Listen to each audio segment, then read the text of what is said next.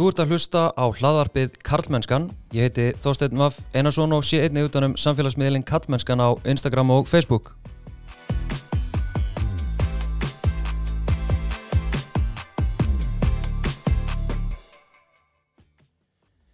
Í dag er ég komið með tvo gæsti.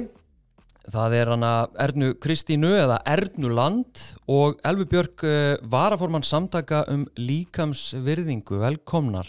Takk fyrir. Ég er enda glemdi í kynningunni sko, við erum hérna á nýjum stað, ég hef aldrei verið hérna áður. Studio Makland, Fancy. velkomnar. Yeah, beautiful. Og við erum líka að taka þetta upp svona fyrir, fyrir fólk sem vil reyna að finna það uppi, hvar sem að ég set það síðan. Já. Þannig að þetta er ákveðin tilhörnastar sem ég var að segja ykkur, ég, ég er óvinni stressaður. Það er eitthvað. Það er eitthvað í loftinu. Er það? Já. Ég er fyrðu slög, sko. Já, ég sé það, þau eru mjög slakar. þau eru alveg tilbúinir í þetta. En hvað segir, hvað er þetta? Bara gott, sko. Ég, eh, ég held það. Ég er svona, já. Hvað er þið búin að vera að bardúsa? Ég er bara búin að podcasta yfir mig síðustu dag. Ertu búin að vera út um allt eða Ég ertu er að búin taka að vera sjálfur? svolítið svona bæði, sko. Já, Og hoppa milli podcasta bara úsla gaman. já, Mm en Elva? Ég er bara, ég er að podcasta yfir mig líka sko, en ekki bara eitthvað svona líkamsmyndartengt, en ég er með podcasti sem er líkamsmyndar um, Einmitt. podcast fyrir þá sem við ekki. Svo er ég líka með svona Píku Pops sálfræði podcast sem mér finnst rosalega skemmtilegt og er svolítið að sökka mér út í svoleiðispælingar sko, sálfræðina bak við popmenninguna. Þannig ég er, ég er svolítið þar núna sko, Mm, mjög áhugaverð. það er mjög skemmtilegt. Ok, píkupop, má alveg nota þetta orð? eða? Já, ég held það. Ég er allan inn í einhverju svona píkupops hópum á Facebook, þar sem eru tónlistakonur sem kalla sér píkupoppara, þannig að ég, ég held að við séum alveg að óna þetta orð bara. Já. Ég held líka bara allt sem inniheldur orði píka er fallegt, sko.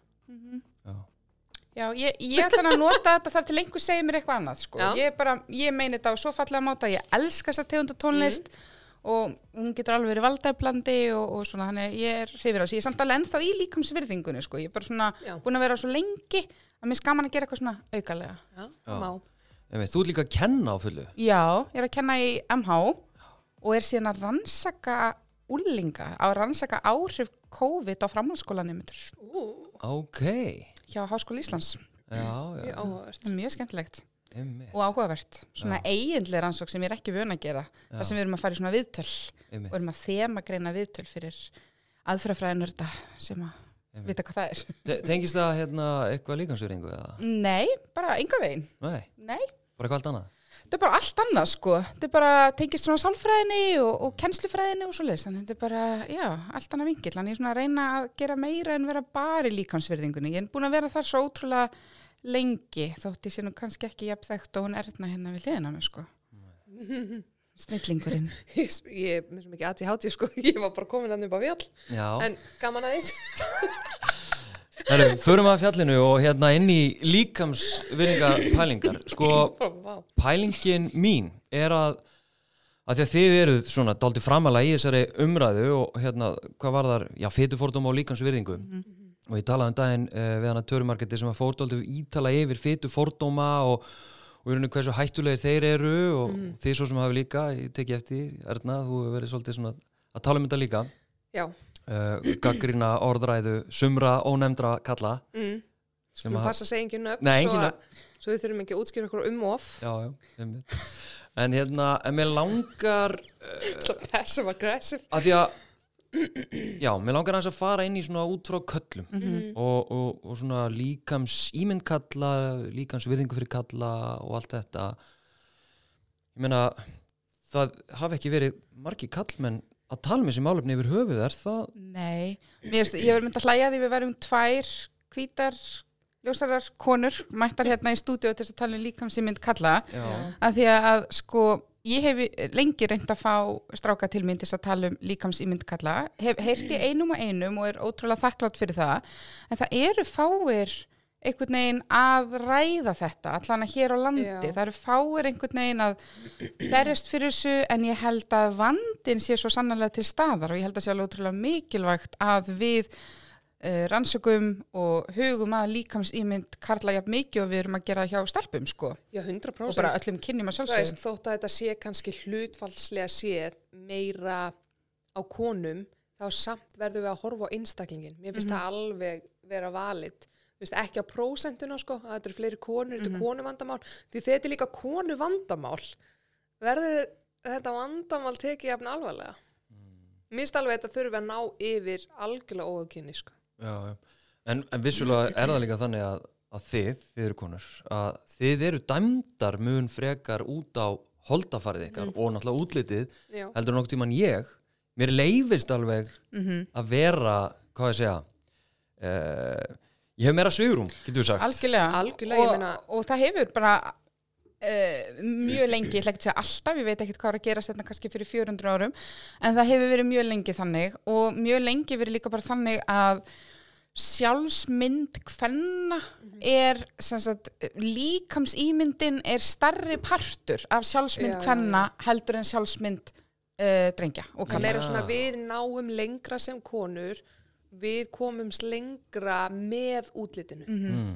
Og þarna spilar þetta náttúrulega rosa mikið saman, einmitt við hvernig konur hafa orðið undir, að við þurfum að fara aðra leið. Og það er með útlitinu og líkamannum.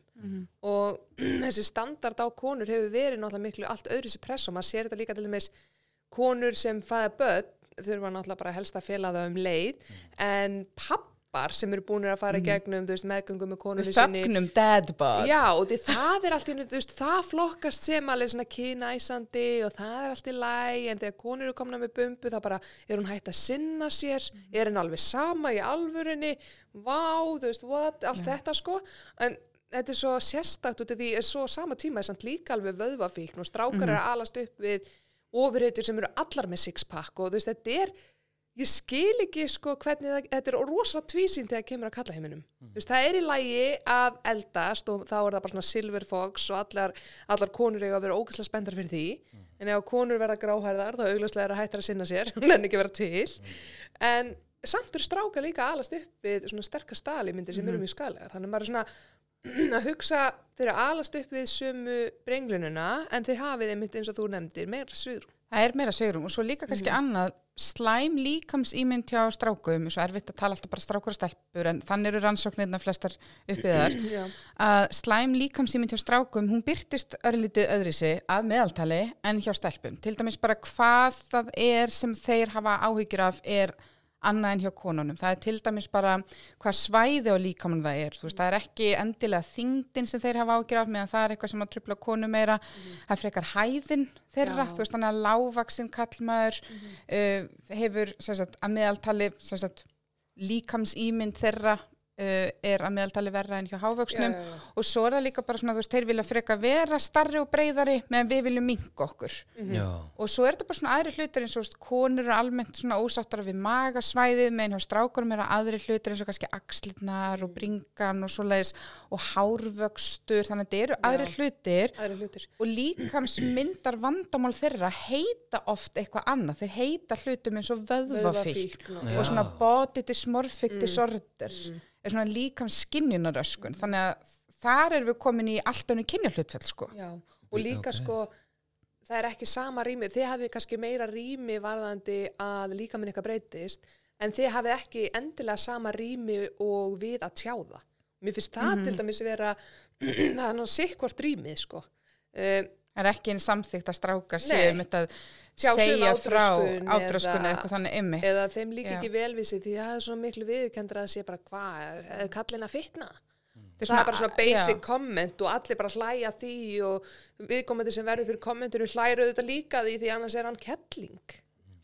Og við með mitt, ég he- heyrti ræða það mitt þorsteinn að þú veist bara svona skot á milli stráka sem á að vera eitthvað svona grín. Þetta gerum við stelpur ekki. Nei. Og þetta, það hlýtur að stinga sko. Þetta, Þeir- ég það hef er, heyrt í strákum sem eru bara, þetta stingur sko, en ég er ekki Já. að fara að segja nefnum það nema þér. Veist, Já, þetta hefurðu er- heyrt það? Já, og ég hef alveg heyrt bara svona, já, veist, það er alveg klappað á magan á mér og spurt hvort ég ætla ekki að fara að gera eitthvað í þessu eða, og ég hlæði þetta bara en svo stingur þetta bara fullt. Og maður er bara svona, ok, þetta er bara information sem ég bara hef aldrei fengið að heyra. Þú veist, þeir dyrfast ekki til að segja við félagana bara, þetta er vond, sko. Er mitt sko Kallmennskan, sko, þannig. kallmennskan sem er svo marglaga og, og, hérna, og samsett úr svo mörgu. En hérna með uh, með þessa sko munin á fytufordómum og síðan líkamsvirðingu. Ég meina við förum bara aðeins í grunninn. Hvers vegna skiptir máli að vera að tala um þetta? Ég meina, skiptir þetta einhverju máli? öllu.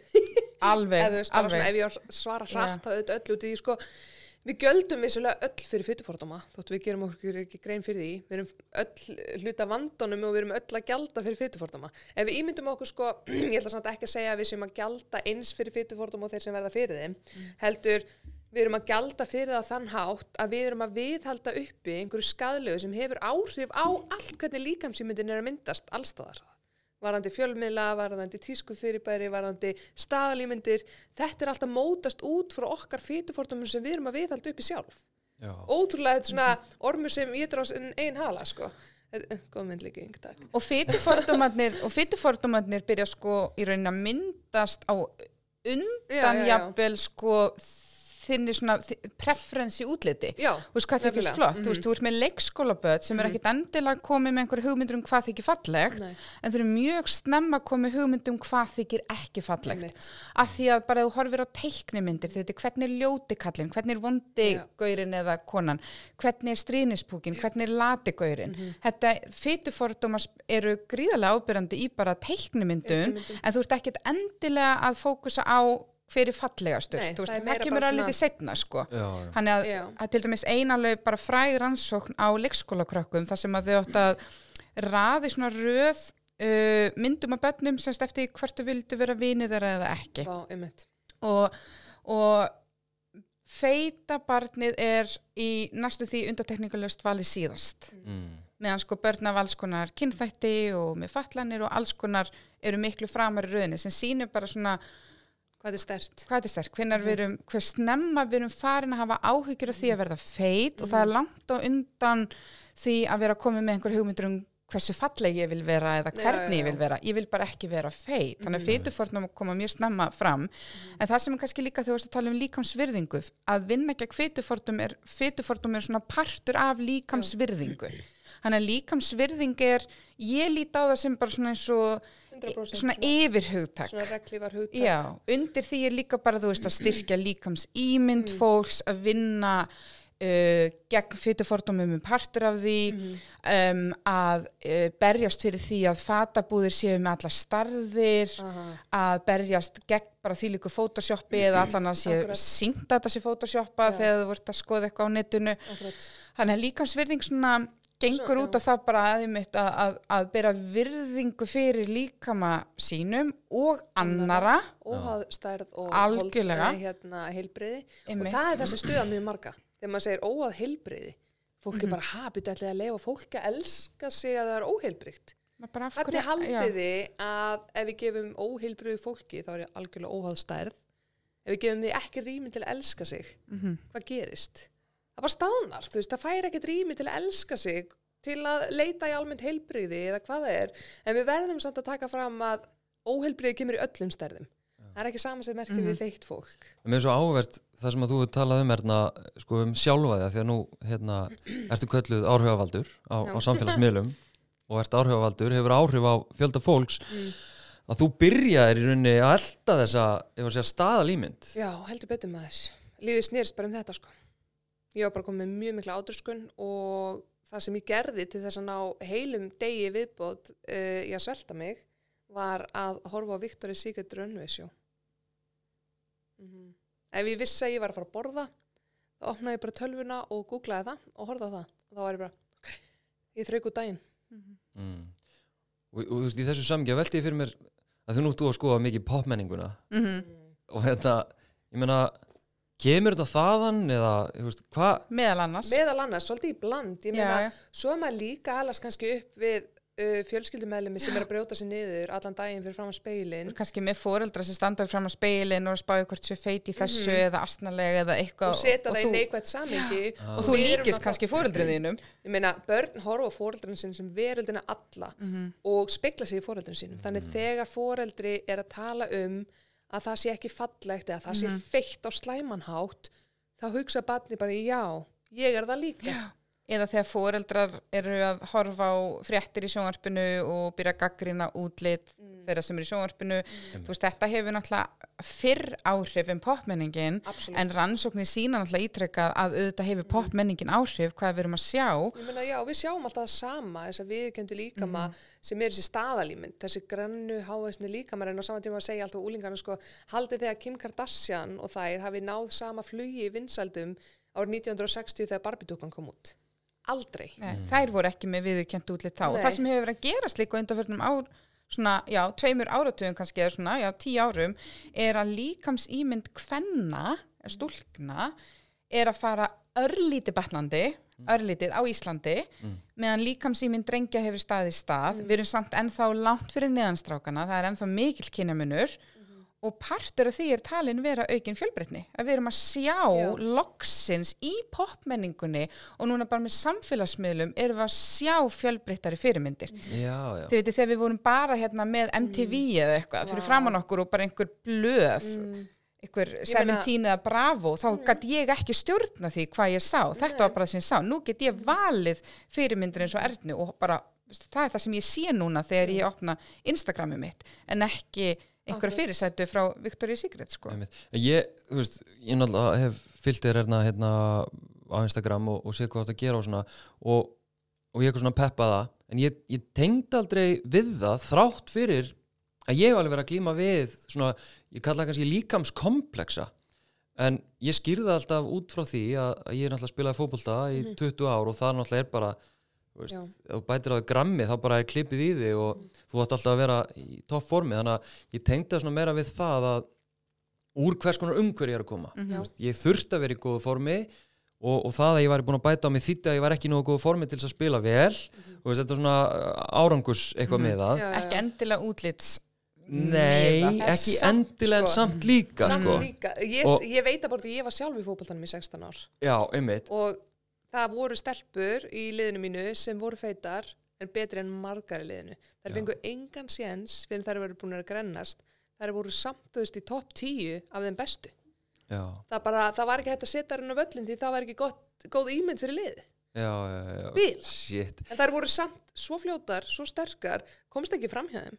Já, og, og sko, Mhm. og það sem ég ætlaði að fara með þessu Mm. er að þú veist, ég áttaði mér rauninni ekki á hversu bara fucked up líkansýmynd í rauninni ég hef Já, þegar ég, hérna, þú veist, ég var hættur í fótbolta og byrjaði þá full í ræktinni bara eitthvað svona sjálfur að hefa mig og, og bara var í besta formi lífsmíns, þú veist, þetta er nokkur ár síðan. Og bara, hérna 6% fita og bara eitthvað svona fáranlegu formi, sko líkamlega en mér leið samt alltaf ah, það var aðeins, Mm. þú veist, ég var samt fixeraðar Mm. á það að ég var ekki alveg í lagi Já. og svo þegar ég tek umræðu á Instagraminu fyrir einhverjum vikum eða mánuðum, mann ekki alveg hvað og spurði einmitt út frá örgla umræðu frá, frá annar hver ykkar eða þú veist að þetta er bara eitthvað sem var í gangi og ég spyr stráka um líkamskomplexa ég spyr, Mhm. spyr eitthvað svona og ég bjóst alveg við því að fá eitthvað svona svipa og ég tengi við Mhm. eitthvað svona vera eitthvað smá aðeins hérna með hliðaspik eða eitthvað, en þetta var svo ógeðslega mikið og fjölbreytt Já, og, og þversagna kent líka mm, sem var komið svo óvart. Já, já, já, einmitt. Þú veist að vera of grannur eða of feitur Akkurat. þetta er einhvern veginn svona Og bara 100% á passar sko, ekki já. inn í eitthvað mót og þið eru alveg með þetta mót líka. Okkar, þótt okkar sé þrengra og meira ábyrrandi þá eru þið með það líka. Já, 100%, og, og ykkar er kannski bara matreitt öðri sig eins og, eins og þú ert að segja, þú ert að tengja þetta við hreisti og heilsöfur í góðu formi en þú ert að meta það út frá hvort það sé eitthvað hliðaspik þannig Já. að þetta er allt í norðið eitthvað sem er bara svona útlitstengt, ekki Já, hreisti og þá sko. er líka svo fyndið þegar við erum að tala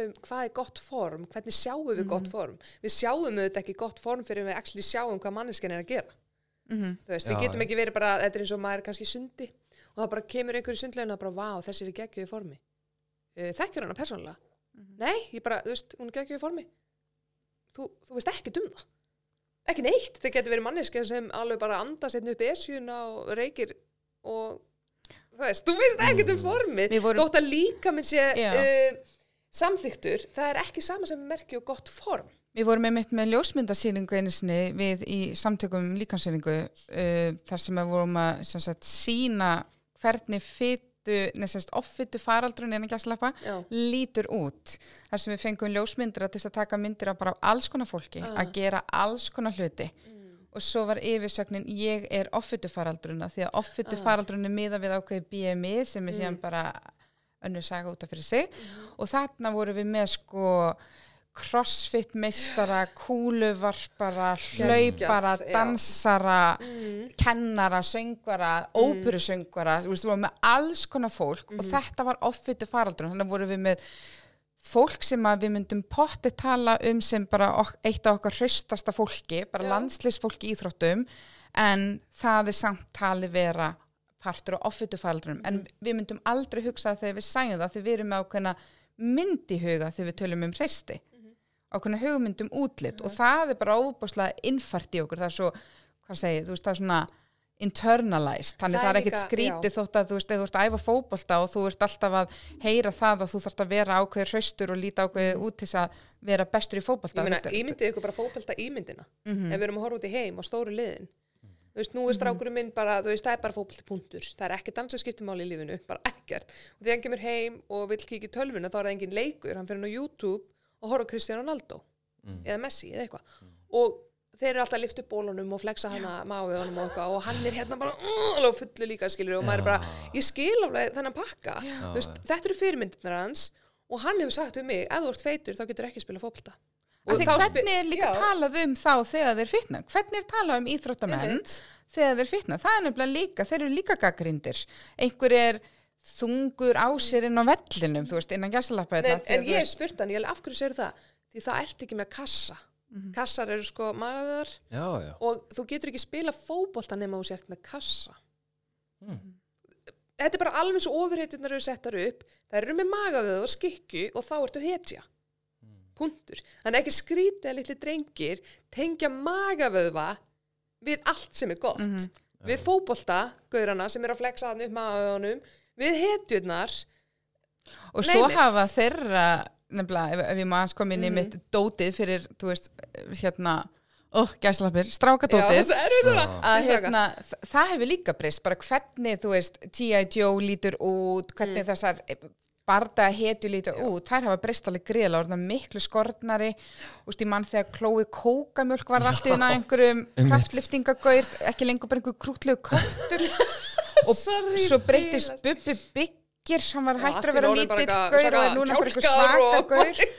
Þú veist, þetta er þetta fyrirmyndir Já. stráka ef ég má tala í svona óbúslega kynjaskiptum heimi. Fyrirmyndir þeirra eru mitt líka ótrúlega yktar. Og ekkert já. minna yktar en okkar en ég held kannski af því það er að mælast kynjamunur á líkamsýmynd og ég held að sé þú veist, nokkri hluti sem, sem að hafa áhrif á það. Það er náttúrulega kannski í fyrsta lagi bara hversu miklu meira vægi útlitið hefur í sagt, virði okkar kvenna heldur en drengja. Það er svo mikið það er svo stór partur af því hvort að við erum mikil svirði Já. frekar en ykkar. Það er ekki, har ekki að sé ekki partur af Það er virði bara stráka, það er bara minna. áhersla. Þetta er eins og með litlu stelpunar, það er alltaf vákátt sæt og fín, þú ert svo sæt og fín. Mhm. Það byrjar rosa snemma, snemma, veist, þannig að ekki skrítið ef þær fá kommenta útlitið sem úlingar, það bara, en ég ólst upp við hvað ég væri sæt. Mhm. Þú veist, og það eru mínu verleika að liggja þarna hvað ég er sæt. Og minnst það einmitt svo áhugavert að- að- þegar við tölum saman í podcastinu hjá mér var einmitt sko ef við myndum alltaf að vera að segja við barnið okkar þú gerir svo góða mat bara frá upphafi ef það myndi fá síðan úr heimilisfræði bara þetta er ekki nóg gott, það myndi bara veldur hrinja bara Já. ég ólst upp við það að ég geri geggjan mat þú veist, við erum að setja svo skrýtnar áherslu líka á börnin okkar með öllu þessu þú ert svo myndalur, þú ert svo sætur í staðan fyrir að finna ný ný kommenti svo vágótt úrræðgóður eða vágótt sniður þarna, þetta var nú skemmtilega að fyndið staðan fyrir að vera alltaf og ég veist, er alveg sjálf að grípa mig því ég er alltaf bara þú veist, þessi sæt, alveg hérna Já, sko. af því bönnum maður eru svo Já, sæt maður þarf alveg sko að Ó, þetta er svo erfitt að gera þetta ekki. og vera svona bara stundu bara þarna fannst mér þú úrræðgóður og góðu vinnur Já, en með sjálfsmyndina elva sko, að þú talar um að hérna, líkamsýmyndin eða eitthvað hafi meira virði eða sérst, hafi meira vægi Já. hjá konum heldur en strákum hvað er það sem að veist, varandi sjálfsmyndina hjá strákum hvað, svona, hvað bitar eru þar svona stærstir, ertu með það í kollinum? um, Vá, góð spurning. Ég, ég fæ bara strax eitt í huga Já, ef ég má segja. hjálpaði mér. Ég er bara að hugsa sko og núna er ég að hugsa út frá kvolpasveit ég bara geða Nú, annað hvernig það? sko, ímyndi ykkur, það er ein hérna stelpa í kvolpasveitinu, það er Mhm. píla. Restin eru kallmenn og þeir bera alla ábyrðina Þannig ég held að sjálfsmynd á stráka sér rosalega mikið með þetta. Bera Þeir ábyrgð, eru og þessir gera já. gera, bera ábyrð, aldrei hrættir, alltaf svona fremstir í flokki og ef, þeir eru ekki litlir í sér. Píla er alltaf í vandræðum, sko. Já, það, Þeir eru alltaf að redda og græja fyrir pílu, sko. en fyndið. Æ, En ég var sé svo, ég var alveg svo fyrir glöð að fá þarna eina stelpu í kvolpasveitinu og svo er hún bara, Hún er bara alltaf í vanda. Sko það sem ég hef verið að sjá með strákunum sem ég er að vinna með, að- að því ég hef verið með svona námskeið fyrir, fyrir stráka, að þá er það oft þetta sko að vera klár og fyndin. Mm. Og þetta að vera klár, að vera gáfaður er svolítið stórt sko. Mm. Og þegar þeir fara síðan kannski í gegnum skólan og eru kannski bara aldrei upp í það að þeir séu bara óslega klárir, þú ert bara svo opuslega klár. Og síðan allt í hennu fyrir námi kannski verða bara erfiðar og meira krefjandi en þú ert alltaf að vinna með það að þú ert svo klár. Að þeim leið að þú allt í hennu þarft að fara að hafa fyrir þessu þá er það ákveðið högg sko, betur en á ég ekki vera svo klár, ég á ekki þurfa að hafa fyrir þessu. Í staðin fyrir kannski, þú veist, þegar við erum að alveg bönnin okkar með bara þú ert svo duglegur, þú ert að reyna á þig, þú veist, Mm, það þá þitt lenda besta, þau já. síður á þessum vegg sko þegar námið fyrir að vera krefjandi og þá hugsaður ok, ég er duglegur, ég reynir meira á mig meðan hinn er hugsa ok, nei, ég er greinlega ekki nóg klár. Svo jafnvel þegar lendi aðstæðum þar sem að uh, verkefnin eru erfið í stað þess að það sjáist hvað eru ekki klárir að þá frekar sleppaði við að gera verkefnin Já. og byrja þannig að hans að draðast aftur úr. Og þannig þetta er eitthvað sem við erum að sjá hjá strákunum, við erum alltaf að sjá að svona námsörðuleikar og lesvandi hefur áhrif á sjálfsmynd alltaf allra kynja en alveg sérstaklega hjá strákum þá hefur þetta mikil áhrif að því þeir eru aðeins lengur að ná þessu þarna strax þegar við erum sex ára það er kynjamunur á þroskanu þarna ennþá. Þannig þeir eru ekki alveg að ná stelpunum í lestri og námi. Og það er svo mikið högg á þeirra sjálfsmynd. Og svo er þetta að vera fyndningaurin og skemmtilegaurin sko. Þannig að sko þeirra sjálfsmynd byggist meira á svona hlutum og vera kannski góður í íþróttum og vera fyndnið skemmtileg gaurin sem er góður í íþróttum. Já, meina stelpum er þetta svolítið sko sæta skemmtilega stelpan. já.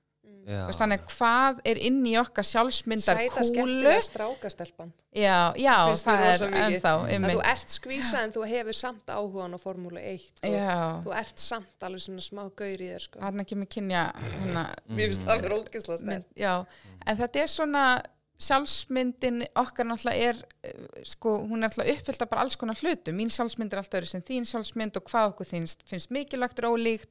Veltur á því bara í hvernig samfélagi við búum hvernig við erum alveg upp. Hann ég getur alveg upp á heimili það sem þykir bara alveg ótrúlega mikilvægt að vera klár. Já. og síðan þegar ég fyrir alltaf að upplega það að ég er það kannski ekki þá er það rosalegt högg fyrir mig. En ég geti líka verið alveg upp á heimila sem skiptir ennþá máli að vera bara sætt þá skiptir ekkert öllu máli þótt ég upplifa allt í hennu ég er ekkert vel klár. Já. ég var sætt og samt að feir bara svolítið eftir því sko. Og að því- er þér mikilvægt? Einmitt. og að því leiti þá hérna, er kannski meira aðkallandi að, að hérna, svona hrifsa eins og með því sem þið eru að gera að tala um þessa fordóma og líkansverðinguna því að þetta er svo stór hluti af því hvernig þið eru metnar sem einstaklingar í samfélag og líka gildismandi samfélagsins á ykkur þá sem kvenkins einstaklinga. Uh, þannig að líka kannski dræfið fyrir stráka svona almennt, bæða því að það er tapu að tala um þetta, að vera eitthvað svona lítill í sér með, með hliðaspiki sitt eða, eða þú veist, vera svona seimaði fyrir það að vera lágvaksinn þú veist, þú kannski hefur ekki eins og tækifæri til þess að tala um þegar líður eitthvað með þetta því að þar kemur kallmennskan þú ert ekki að tala um akkurat. tilfinningarna þínar. Þannig að kallar og strákar eru kannski lítið læstir inni Já. Mhm.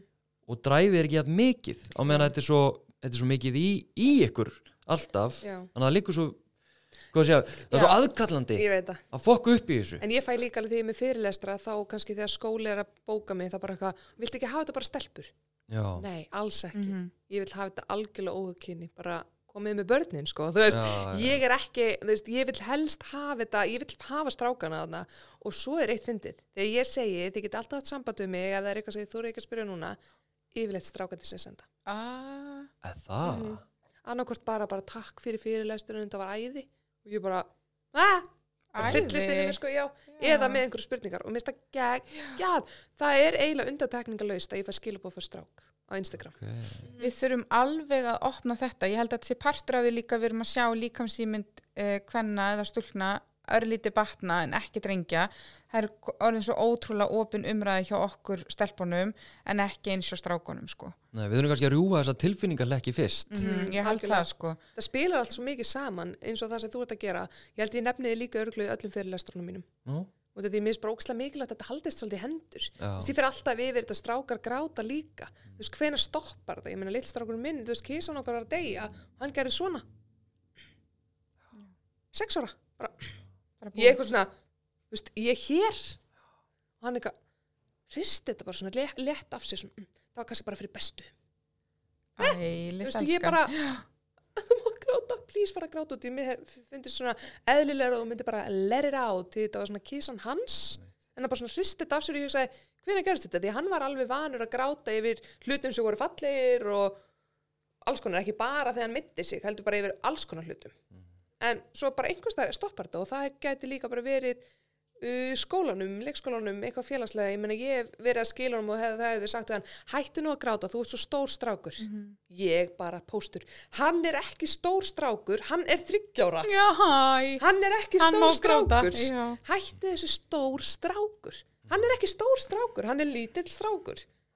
Þú veist, að setja alltaf á stráka þeir séu strax orðin stórir strákar finnst mér ógeðslega skadalegt Því, hann er ennþá lítill strákur, hann er í fyrsta bekk, þú veist, og er svo, svo, held- svo er þetta bara svo alveg rétt, þú veist, þetta er þetta að, að, að það er ekki eins viðurkent að stráka með tala um tilfinningar sína þá verður, ég heldur sem bara ekki einu sinni búin að opna á þessu umræðu með stráka og líkamsýmynd, því svo er annað sem er áhugavert ef ég má aftur tala um rannsóknir. Já, það er líka áhugavert að sjá að slæm líkamsýmynd er algengari innan ákveðna hópa hjá drengjum. Nú, hvað var? svona algengari hjá þú veist hópum sem að já, drengjum eða körlum sem að æfa ákveðna tegund af íþróttum. Algengari hjá samkynhneigðum mönnum heldur en gagkynhneigðum mönnum.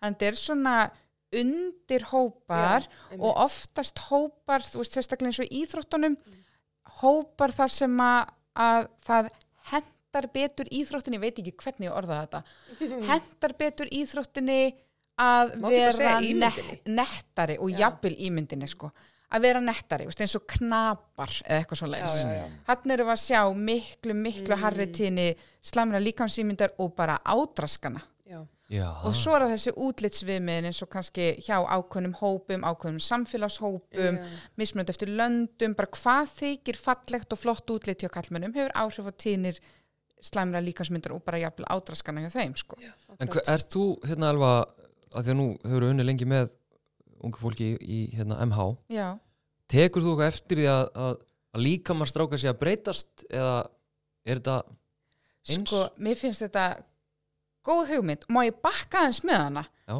að því að nú heyri ég svo oft í umræðunni að börnin okkar eiga að vera hann svo feitt og alltaf svona einhverju sem að halda að þeirra skoðun á, á holdafæri barna sé gríðlega mikilvæg er alltaf að upprópa þetta einhvern veginn að börnin okkar sjá hann svo feitt og þau eru alltaf að sjá það allstaðar Mm. í fyrsta lagi nei, nei, ekkert svakalega. Um, og, og eins og Erna hefur nú oft sagt líka við höfum alltaf verið alls konar, það hafa alltaf verið til feit börn, hann að líkamar hafa alltaf verið alls það konar. er ekki bara eitthvað hér árið 2010 ný tegunda börnum. Nei, einmitt, það eru feit börn, allir eitthvað what? ok, við höfum aldrei séð þessu börn og það er alveg svolítið til í það varð Mm. ákveð spæk í svona maður að segja, ég ætla ekki að segja offitu en svona þingri útgáfu af börnum uh, ég veit ekki hvernig orða þetta já, já. að fyrir svona kannski 30 árum síðan, svo bara staðnaði það.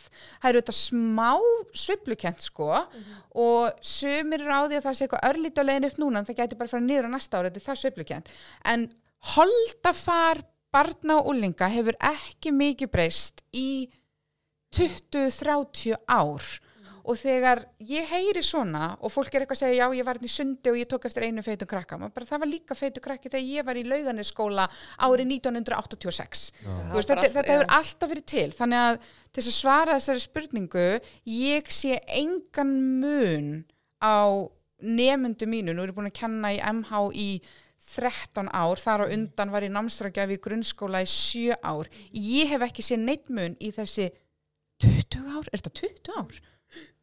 Hvað er ég gömul? viltu vita hvað ég var gummul fyrir 20 Ó ára? nei, hjálp!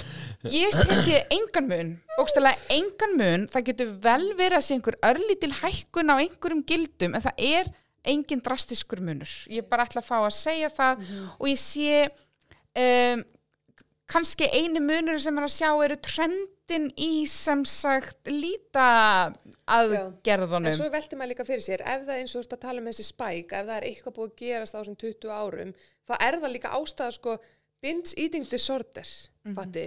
Það ítur undir að uh, metabolismin hægist Já. Og við fytnum. Og spækið í Og- offutinu fór upp á sama tíma Já. og bara meðrunar Mm. yðnaðurinn fór á stað. Einmitt, Þetta helst alveg í hendur, sko. Að vera í stöður um megrun og jójóþyngd ítir undir þyng- þyngdaraukningu. Uh, og að fara niður um þyngd eittur og bingo ítir undir það að þú getur fitta tilbaka tvöfalt þannig þetta er svona mjög áhugavert ef við erum að sjá einhverja breytingu á þessum árum er vegna þess ymmið á sama tíma og megruna innan varð svona bilaslega mm. aukakendur það eðlilega er metabolismin í mannkyninu bara að verða hægari út af megrunamenningunni Ég var samt að fiska eftir því sko hvort það er verið að verða massaðri. Já, ok, já, ég er bara eitthvað að svona í vera mínu veruleika bara. af því að, af því að, það, að ég var í félagsmyndstöð fyrir nokkur mánu síðan og þá kom upp trend það sem að já, strákandi voru hreinlega bara aðeins að dæla í sig.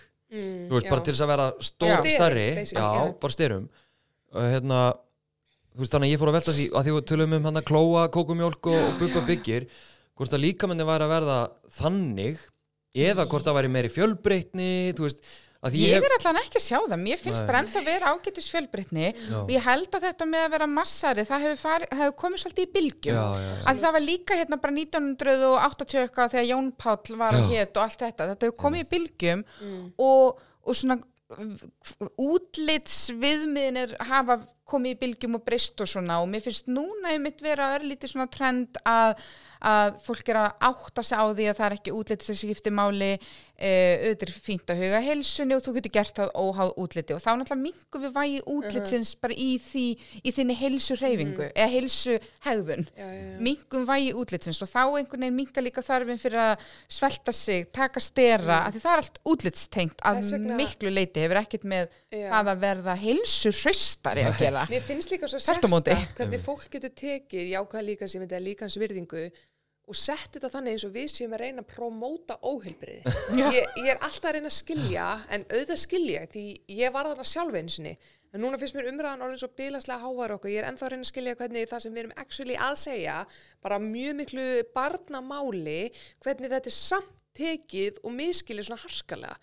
Ég hef aldrei sagt fólki að fara í helgan stein í kyrsetu með kóki, æð og köku já, ég fætti, ég aldrei gert það, mun aldrei gera það því það, það sem ég er að reyna að segja er að þegar þú sættist í einn skinni þá er enn líklega að fara að leita í almennt heilbriði, þú veist eins og held að every size sem er núna orðið mjög stórt dæmi og mér finnst bara gaman að kasta þér fram að heilbriðskerfi í Breitlandi er að fara að taka inn þessa nálgun eftir 12. desember eða eitthvað svo leiðis sem er hérna hlutlaus þingdamiðuna nálgun. Já, það er ekki, áslan er ekki á þyngd Þyngdina. í allri bara læknis uh, batteríunu, mm. heilbyrðisbatteríunu svona. Áherslan er meira bara á já, manneskjuna, hvernig henni líður. það átt að gera, þú veist og mér finnst þetta mitt þegar við erum að mæla BMI hjá börnunum okkar. Bara, uh, þú passar inn, passar inn, passar inn kannski bara allt börn sem eru vannar eða bara hafa engan áhuga á íþróttum en þau passa inn, flott, flott, flott. Svo kemur eitthvað badn sem er yfir BMI og það er bara, já, þú ert feitt badn, ok. Uh, það þarf að skamta á núna ofinni til matinn og manneskjan er kannski bara að borða mjög fjölbreytt og fínt og er að fulli íþróttum og sefi vel og með góða félagsferðni en það er, passar ekki inn í BMI sem var hannað árið 1938 á hvítum kallmanni fyrir kallmenn. Uh, hann af einhverjum sko starffræðingi, þetta var aldrei heilbriðs, Aldrei aldrei Og þetta er alveg góð, þetta, e- þú veist, það er enginn að fara að segja þetta sé eitthvað, þetta er mjög einföld og fín mæling fyrir mannkinni að halda utan um einhverja tölur. Og við getum séð, þú veist, ef að kurvan henni bara skellur upp eða skellur niður að það er kannski eitthvað undirliggjandi að skeið hjá manneskinni. En ef að bann sem er feitt, er bara sinni kurvu og það er að sinna lífinu, þú veist, með félagsfærni, borða fjölbreytt, þú veist, hefur áhuga á íþróttum og bara, veist, hvað er þá málið? Þá er ekkert að þessu barn. Og foreldrar er alveg að fá síntöl bara, Já. þú veist, barnið þitt er hérna yfir BMI-kurfinni, er í ofþyngd, hafið þið eitthvað svona að íhuga að gera eitthvað? Og foreldri er kannski að barna yfir körubólta fimm sinnum í viku og, og Við erum bara að borða- hægja þess á já, það er bara fulla allan daginn. Akkurat, þetta er mjög steikt sko, en, en mér er samt líka sko áhugavert þetta með, með sko strákan okkar, því það er auðvitað alveg rétt þú veist, að áherslan á þyngd hefur verið minni þar, en hún er þar samt alveg líka, þess vegna erum við að tala um það, þetta er ekki bara vöðvar og ekki vöðvar.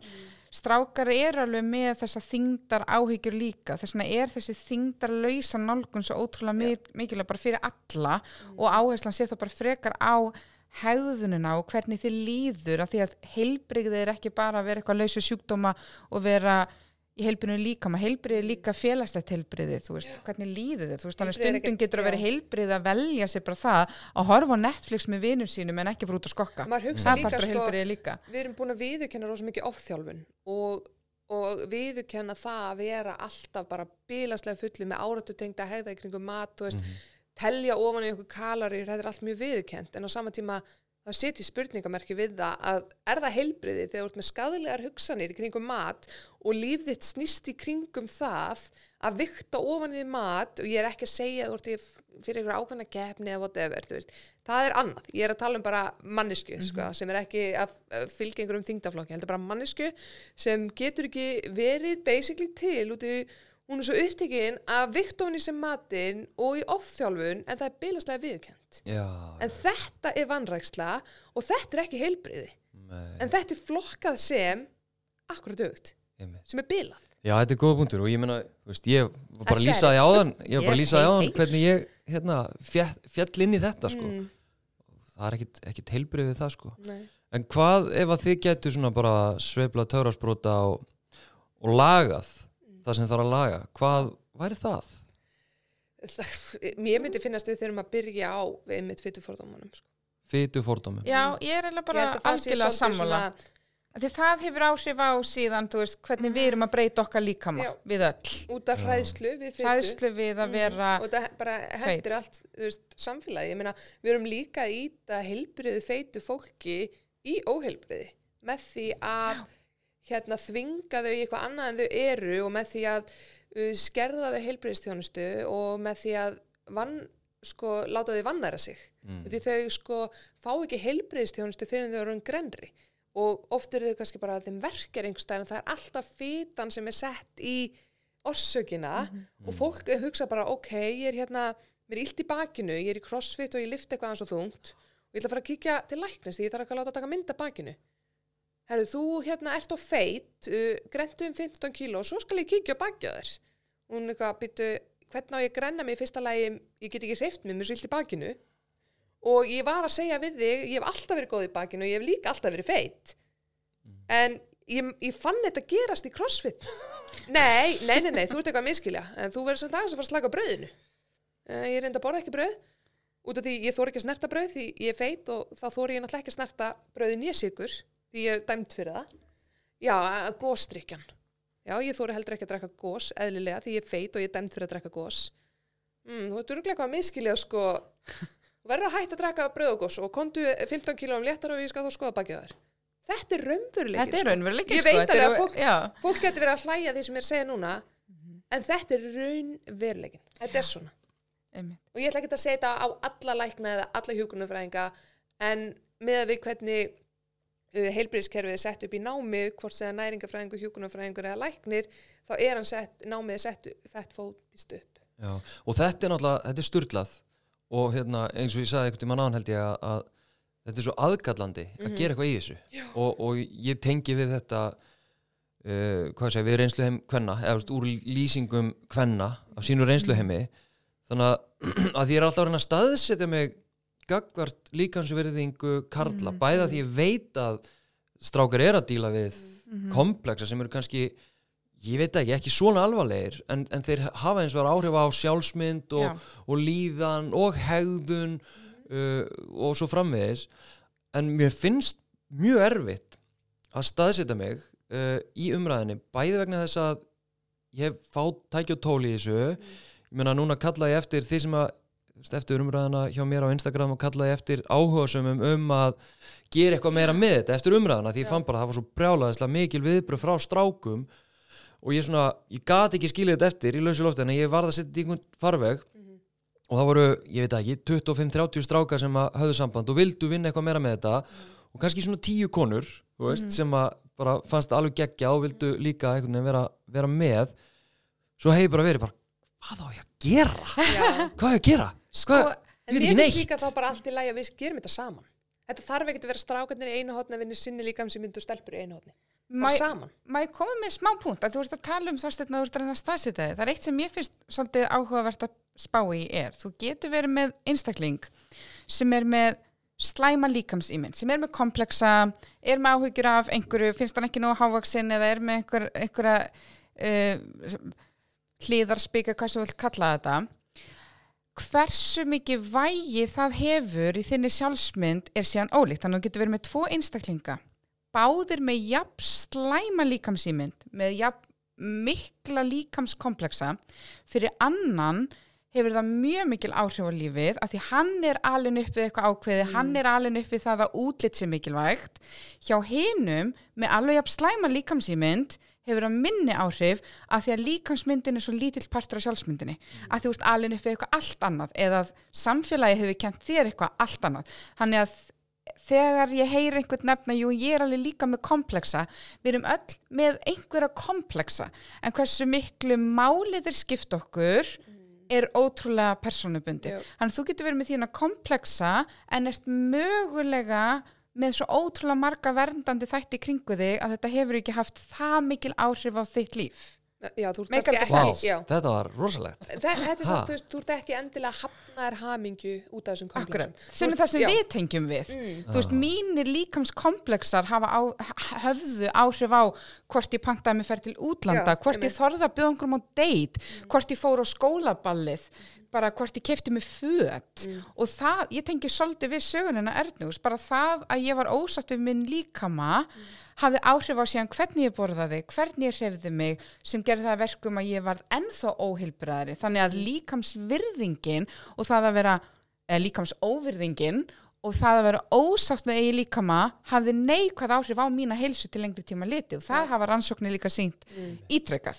Já. Þess vegna er líkamsvirðing fyrir bara öll kyn allavega bara gríðilega mikilvæg en það sem er kannski einkennandi hjá okkur tveimur og kannski það sem einkenni fyrir eitthvað stelpur en stráka svona meðaltali er að þessi slæma líkamsmynd okkar er svo miklu, miklu starri partur af sjálfsmyndinni heldur en hjá þér. Já, eins og Já. við tókum fram hann í byrjun. Já. Hvernig þetta er einmitt svolítið svona plantað á stelpur að við komum lengra í lífinu á útlitinu. Já, Þannig að eitt af mínu markmiðum þegar ég er að vinna með úlingana og börnir sem ég er að vinna með, það er ekki endilega að bæta líkansmyndina sem er ótrúlega stórt markmið og gufugt og gott. Að bæta líkansmyndina láta fólk átta sig á að fellingarnar eru fallegar eða það að vera lágvaksin er opaslega fallegt og allt það.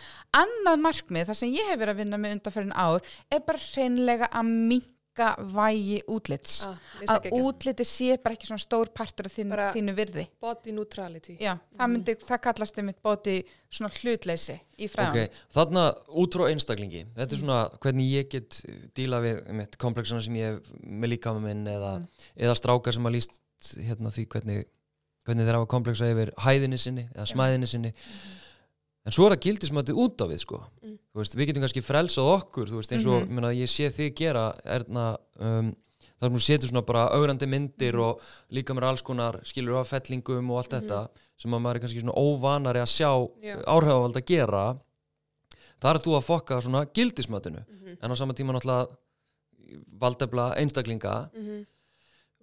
tengt köllum veist, þarna kemur við með sko, aðferðir fyrir strákana einhvern veginn svona mingavægi Mhm. líka manns í, í sjálfsmynd og Já. sjálfsáliti og þannig en hvað með út af við, hvað með samfélagsgerðina Partur af því er akkur það sem Erna er að gera mm. að innmitt með því að minka vægi ákveðins útlit, þá sínum við alls konar útlit, þannig að strákar fá líka að sjá að alls konar útlit er fallegt, að vera hávaksin, lágvaksin, whatever getur verið fallegt. Það er partur af því. Annar partur af því er náttúrulega líka sko kannski aðeins að fræða sig mér fannst til dæmis óbúslega áhugavert bara að fræða með hans um bara bara gerði allt í rauninni Já. að fræða sig. Bara- það gerði ógslega mikið fyrir jákvæða líka sem ég mig að fræða mig. fræða mig bara um þetta mál og líka kannski bara segja eins og svo ok, ég ætla að hérna, að fa- taka eins og, eins og í kvíðameðferð ef ég er með mikinn félags kvíða og ég held að allir munu sjá að ég er að vera rauð í frama núna því ég verð svona rauð í frama þegar ég tala mikið Ok. og hittna alveg svona og ef ég fyrir að hafa ótrúlega mikla áhyggjur af því þá held ég náttúrulega þessu öll að fara að dæma mig fyrir það að ég er rauð í framann og þið séu öll að fara að taka eftir því og það hefur áhrif á mitt sjálfströst þegar ég síðan kem í félagslegar aðstæður. Þannig að eitt verkefni sem hægt er að gera í kvíðameðferð er bara hreinlega að æfa mig í því að fara í þessa aðstæður, vera bara rauð í framann, Akkurat. sjá hvað gerist. Og það er merkilega sem, það sem gerist er í fyrsta lagi að ég venst í, í öðru lagi mun ég átta mig á því að aðrir eru ekki að spá eins mikið í mér og ég held aðrir taka kannski ekki eins og eftir þessu, taka ekki eftir þessu fyrir ég nefni þetta að fyrra og finnst þetta líka kannski bara fullkomlega alveg, Já. tengja bara 100% við þetta þannig að það sem ég held að samfélagið haldi er ekkert alltaf rétt. Hann er eins með útlitið. Ef ég held að samfélagið sé fyrir að dæma mig þegar ég lappa hérna inn á okkar kaffihús og ég er í lagri kantinu með ég er með smá bumbu eða ég er með eitthvað svona útlitstengt sem ég er með komplexa yfir ef ég er alltaf að fela það til dæmis þá læri ég aldrei að þetta er ok. Ef ég er alltaf að fela bumbuna mína ég set hérna púða yfir magan minn eða ég er að reyna að fela hérna mm hárlínuna mína s- kannski komið með einhvern skallað eitthvað þannig. Ef ég er alltaf að fela, fela, fela þetta þá er ég að viðhalda kvíðanum mínum. Alveg eins og bara eins og með félagskvíðan þannig að fari aðstæðunar venjast því að vera bara í líkamannum sínum og bara sína og bara svona líti út og smátt og smátt með tímanum bara átt að sjá að fólk er ekki eins mikið að spá þér og Þetta heldur er svona endur fór þetta hugan já. svolítið tilbaka. og fólk finnst þetta jafnvel bara fallegt. Sko partur af fræðslunni líka bara fólki finnst alls konar fólk fallegt þetta, það að vera lágvaksin eða hávaksin eitthvað, þetta er bara alls konar fallegt, en ef ég er alltaf bara fókus á svona the mainstream media og svona hvað er verið að sína þar þá sé ég það kannski ekki. Nei. En, en það er hérna, kannski er þetta einhvers konar út úr snúningur eða hvað en ég veit það ekki að síðan sko á móti að því við erum svona að tala um líkasverðingu og við erum að tala um hæð og við erum að tala um, þú veist, fytu líkanlegt atgerfi uh, að við hlæjum að mönnum sem að eru með þessa að því virðist komplexa yfir hæð sinni þar sem þeir standa upp á kanti upp á fötu til þess að vera stærri en viðmælandin þeirra. Já. æskilji, Mm. ég veit ekki, þú veist, er þetta uh, Ég myndi alveg segja, þú veist, þetta er bara hluti af líkasímyndinni, þú veist, þetta tengist því, þér finnst, þú ert ekki ánaður með líkamandin í stærðinni sem hann er í, mm, þú veist. Mér fannst líka, ég sá einu sinni, sko, kvót þarna, ég setja á íslensku, þínan ekki reyna hitt, það er allir eru með, hérna, rosa svona jákaða líkansímynd þanga til að kemur á tippastærð. mm, Þá er allt í lægi að dæma, sko. Mér fannst Ah. þetta mjög áhugavert og því við erum öll bara eitthvað, allir eru með, þú veist, eh, margir eru með slit, sem eru með bólur, sem eru með ör, maga, læri, da da da og svo bara, en kallmenni er samt ekki um lítið teppi. Eða þú veist, fattaru. Þetta er svo klikkað. Það er eitthvað svona eitt og eitt sem við getum pikkað og það virkar ekki þannig. Þetta er bara all over á líkamannum. Mér Já. er bara stundur svona geggja að tengjast aftur svolítið svona náttúrunni. Þú veist, ef við ættum öll að vera eins, værum við ekki eins, bara fara stundum í svona simpul atriði, bara svolítið svona út frá heimsbygginni, bara við værum öll eins ef við ættum að vera eins. Og, og annað sem ég tengd þegar þú ert einmitt að tala um þetta og þú, þú varst líka einhvern tímann að tala um Erna, þegar þú ert að horfa því í svona starra samhengi þú ert bara eitthvað svona lítið peða einhverju plánetu hvað það væri gott, ég hugsa þetta líka út frá því sko, þú ert með einhverja komplexas hvort sem það er hæð eða eitthvað annað. Hugsa hans bara út í þína forfeður og mæður, þú veist hvað hv- hvernig litu þau út? Hvaða eiginleikar hafa mögulega þróast bara í gegnum þessa kynnslóðir, bara áfram og áfram og áfram einhverju eiginleika sem nýttust þeim eins og bara við Íslendinga, við erum svolítið stóra þung. Við erum alveg svolítið þung þjóð við bara Já, já. brjótum alla vakstakúru bara frá fæðingu. Já. við erum þung þjóð.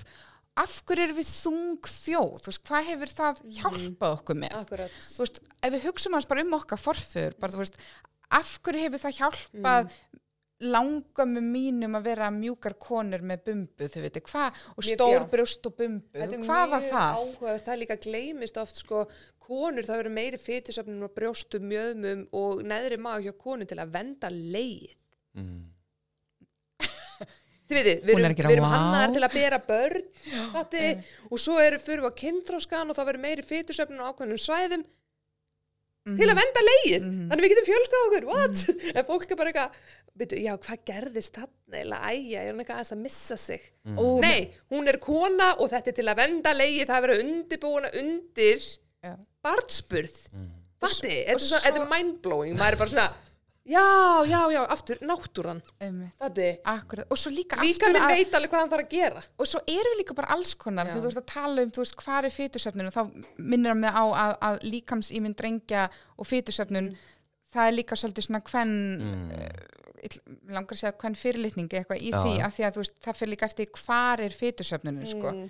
og svo annað, af því þú ert að tala um fótboltan og, og hérna útlitið þá stein svo fyrir þetta líka oft eftir bara krátinu þínu hópnum þínum 100%. Já. hver eru þín viðmið? Ert þú búin í 20-30 ár að umgangast bara aðra fótboltastráka sem eru líka að spá í sixpackinu, sem eru líka að spá í vera ógst fit, mm. þau stundur svolítið svona að vikaðu svolítið bara hópin Já. þinn, skoðaðu fleira fólk, það eru ekki allir fótboltastráka með sixpack, það er alls konar fólk hérna úti, það eru alls konar strákar hérna úti sem eru bara ógisla sexy og þeir eru bara alls konar. En ef þetta er það sem þú hefur vanið augun þín á að sjá Já. Þetta er nákvæmlega eins og með stelpur sem er kannski mjög grannar vinkonu sem er bara grannar að eðlisfæri og þú verður svona eina gæslega feita vinkonan þá brenglast svolítið þín viðmið og þú getur þróa með þér alltaf á líkansmynd heldur en nákvæmlega einn stelpa sem Já, að er hóp. annan hóp Mm. Þetta er, þetta er brjálæðast fáum. góður hérna, punktur af því að ég, ég tengi mjög harkala við hann að, hérna, að það var þegar að ég einmitt fór úr svona fótboltakræðsunni sem ég fekk aðeins meira frelsi Já. bara, vá, akkur er ég svona mikið upptökin af hvernig líka minn er? Ég er ekki að segja að fólki samt að hætta með vinum sínum. Nei, og aðeins að, bara aðeins að opna Víkka. hugan aðeins að vikka Já, en þetta Já. er samt góð punktur varðandi hvernig þetta er bundið í menningu sko, eða samfélagi sem við tilherum þetta er svona Bæ- mikrómenning Já, Já. bæði Betur, mikró en líka náttúrulega á í svo stóru, líka, makró. Algjörlega. En mér finnst það mikilvægi punktur sko. Mm. Mjög sko. já, ég er bara að hugsa Maður fór svo að hugsa svo mikið, maður fór allt í einu bara svona, ég fór bara beint í sko úlingsári mín, ég bara, já, já, vá, Já. einmitt. Einmitt. Hvað það skiptir miklu máli, sko. já, Það veist.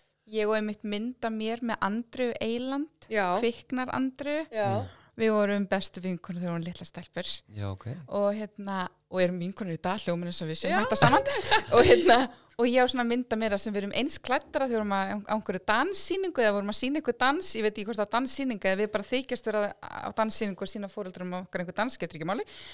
Og þá erum við eins fötun um að það hún er með miklu nettari líkam en ég og ég man bara að ég er að halda inn í maganum Ó. svona sjö ára Alveg. á þessari mynd að því Mm. mér fannst þið svo feit hlýðin á henni. Já, þetta er, við erum að miða okkur við fólki í kringum Mhm. okkur. Það er bara samanburðamenningin og ég tala oft við krakkana sko, um, um þetta samanburð.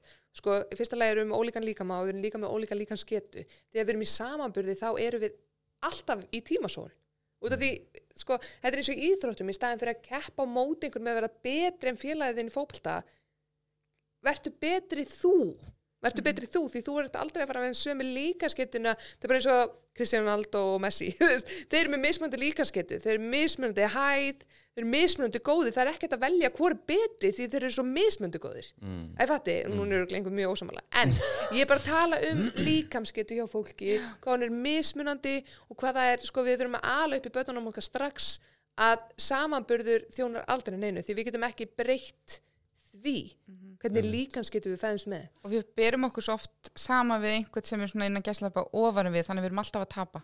Alltaf, já, og því við, já, einmitt, við erum aldrei að bera okkur saman við einhvern sem er undir. Nei. miklu, miklu sjaldnar sko. Er sjálfnar einmitt, en, þetta er svona áhugavert sko, þegar við tökum samanburðinu í burtu og erum bara fókus á okkur og hvað við getum gert veist, en hvaða, þú veist, í þessari baróttu sem að af því að ég, þú veist, í baróttu hérna, fyrir og gegn alls konar uh, hvaða andspyrna er erfiðust? oh my god, má ég segja? Ég veit, ég er alveg bara, er ég með já, er gott. Þú ert í podcastið, þú átt að tala. Eða það er mjög vel, velkomið. Velkomið, sko það sem mér finnst mjög erfitt að mæta í aktivismannum varðandi fytufordóma er mjótt fólk verður líka fyrir fordómum. Já. ég sagði þetta og hérna, ég held áfram að kveiki mér í þessari viku og það er bara það sem ég er að gera. Sko, Kóttu með það? oh, ok, ég er að fara að koma með þetta og þetta er mikilvægt. Og þetta er fremri mínu, fremra mína, mínu ego. Ég hef alltaf verið grönn kona og ég veit hvaðan þau eru að koma. Ég skil pælinguna hvað með okkur mjóa fólkið. Ok, nummer eitt. Þið eru með pláss í heiminum. Þið passin í samfélagi ímyndum okkur. Ef að, sko, það er hægt að fá böggandi komment á líkamann sinn alla æfi eins og þú ert eins og beinagrind, ætlar ekki að borða meira aldrei að segja þessi í lagi. Nei, aldrei. Aldrei, þetta er bara ólíðandi, hætti að kommenta að holda að fara fólks, punktur, ok? En ímyndið ykkur, eða væri þannig með mjótt fólk, að við gætum, þau þurft að borga meira fyrir auka belti í flugvélinni vegna þess að við myndum bara ekki treysta þau, þau myndum ekki bara poppa bara allt í hennu upp úr sætinu og bara deyja, út í þau eru svo létt. Eða að við getum ekki treysti að þú ert í sundi, ég treysti ekki sért með vöðva höndunum til að halda þar á floti, svo mjó, eða þú fer til læknis og það er alltaf kommenta á og þú borður og lítið og þú sko, við getum ekki alveg tekið í þess aðgerði að skoða þau nýðin fyrir þú ert búin að fitna. Þótt að við vitum að þú getur ekki fitna, Já, maður skil kannski búin að reyna lengi, Já, lengi, lengi. þá ætlum við samt að íta þess á þetta út af því ég bara trúi ekki að þú getur verið heilbrið svona mjó eða þú veist við getum sett þetta í allt samingi hvernig það er að vera jaðarsettur feitur einstaklingur þurfa að borga aukalega fyrir flugsæti að passa ekki inn í aðstæður og því samfélagið er búið að móta þannig að þau passa ekki inn. Við getum sett mjóa mannesku og okkur finnst það bara svona absúrt að við erum eitthvað, ah, það myndi aldrei ske. Nei, ég veit, það myndi aldrei ske. Þannig nei, mjóir geta ekki orðið fyrir fordómum. En þú fær kannski líkamskomment, útlitskomment og og það er ömulegt en það er ekki fordómar. það er ekki fordómar þú veist, og, og sama, það er ekki sama umræðan. Við getum talað um líkams smánun hér en við erum að tala um fytu fordóma hér og það er sér umræða þetta er ekki umræða sem við setjum saman. Líkams smánun á bara við um allt. Ég meina stórt nef eða þetta og hitt eða lítið hár, mikið hár uh, svona hendur, mislangir uh, limir, uh, whatever. Það er líkams smánun Svo eru fytufordómar allt annað fyrirbæri. Þetta er svipað og, ég held áfram að kveiki mér, Black Lives Matters, White Lives Matters also. Oh, we know. Annars væri við ekki að ræða þetta. Við vitum að hvít líf skipta máli. við vitum það mjög mikið. Heimurinn er hannaði fyrir hvít fólk. Það er ástæði fyrir við erum að, með byltingu Black Lives Matters er einmitt út í við erum að berjast fyrir því. Og með fytufordóma. Við erum að tala um fytufordóma út af því það er jáðsettur hópur. Við erum ekki að tala um það út í mjóir verða líka fyrir komendum. Þannig að þessi ansbyrna sem, er- sem er erfið er þessi sambur svona hálgjör útúrsnúningur ef ég, ef ég tólka Já, bara þessi útusnúningur og þetta sko, megu við fá rými, þið eru með rými. Allir, þú veist ég fæ stundu bara, þú póstar aldrei grönnum líkum. Er svo, Bara þeir eru þeir eru allstaðar. ég vil nota Þú getur plattformið keift mitt. föt allstaðar, þú Mm. kemst í öll Já. bíósæti, þú kemst í alla bíla, Já. þú farð heilbriðstjónustuna. Já. Ég þarf ekki að promóta þig, sko. Nei, þú ert sko heimurinn er með þér í liði, alltaf. Þú veist, það er engin að öskra á mannesku sem er, og nú er ég, veit ég er styrli og tæpa að eins og allir grannir verið með átrúskum, bara dæmi. Það er engin að öskra, þú kostar samfélagið. Nei, það en ég enginn. meina það kostar að halda upp í kvítabandinu. Já. En það er engin að öskra á mannesku sem er í stereotypun að vera með átrúskun, kannski ekkert með átrúskun fatti, Nei, nei, bara- kosti samfélagið. já. Það er bara, ég skal aðstóða mig þegar ég vænt um því í alvörunni og ég er aldrei að fara að segja og kosti samfélagið. En svo er kannski bara feitur einstaklingur sem er heilbriður sem fær þetta yfir sig. Þú Já. kostar samfélagið. Þú veist, við getum alveg prófað stundum að taka þetta skrefinu lengra, við myndum ímynda okkur samfélagið þar sem mjótt fólk væri jaðarsett.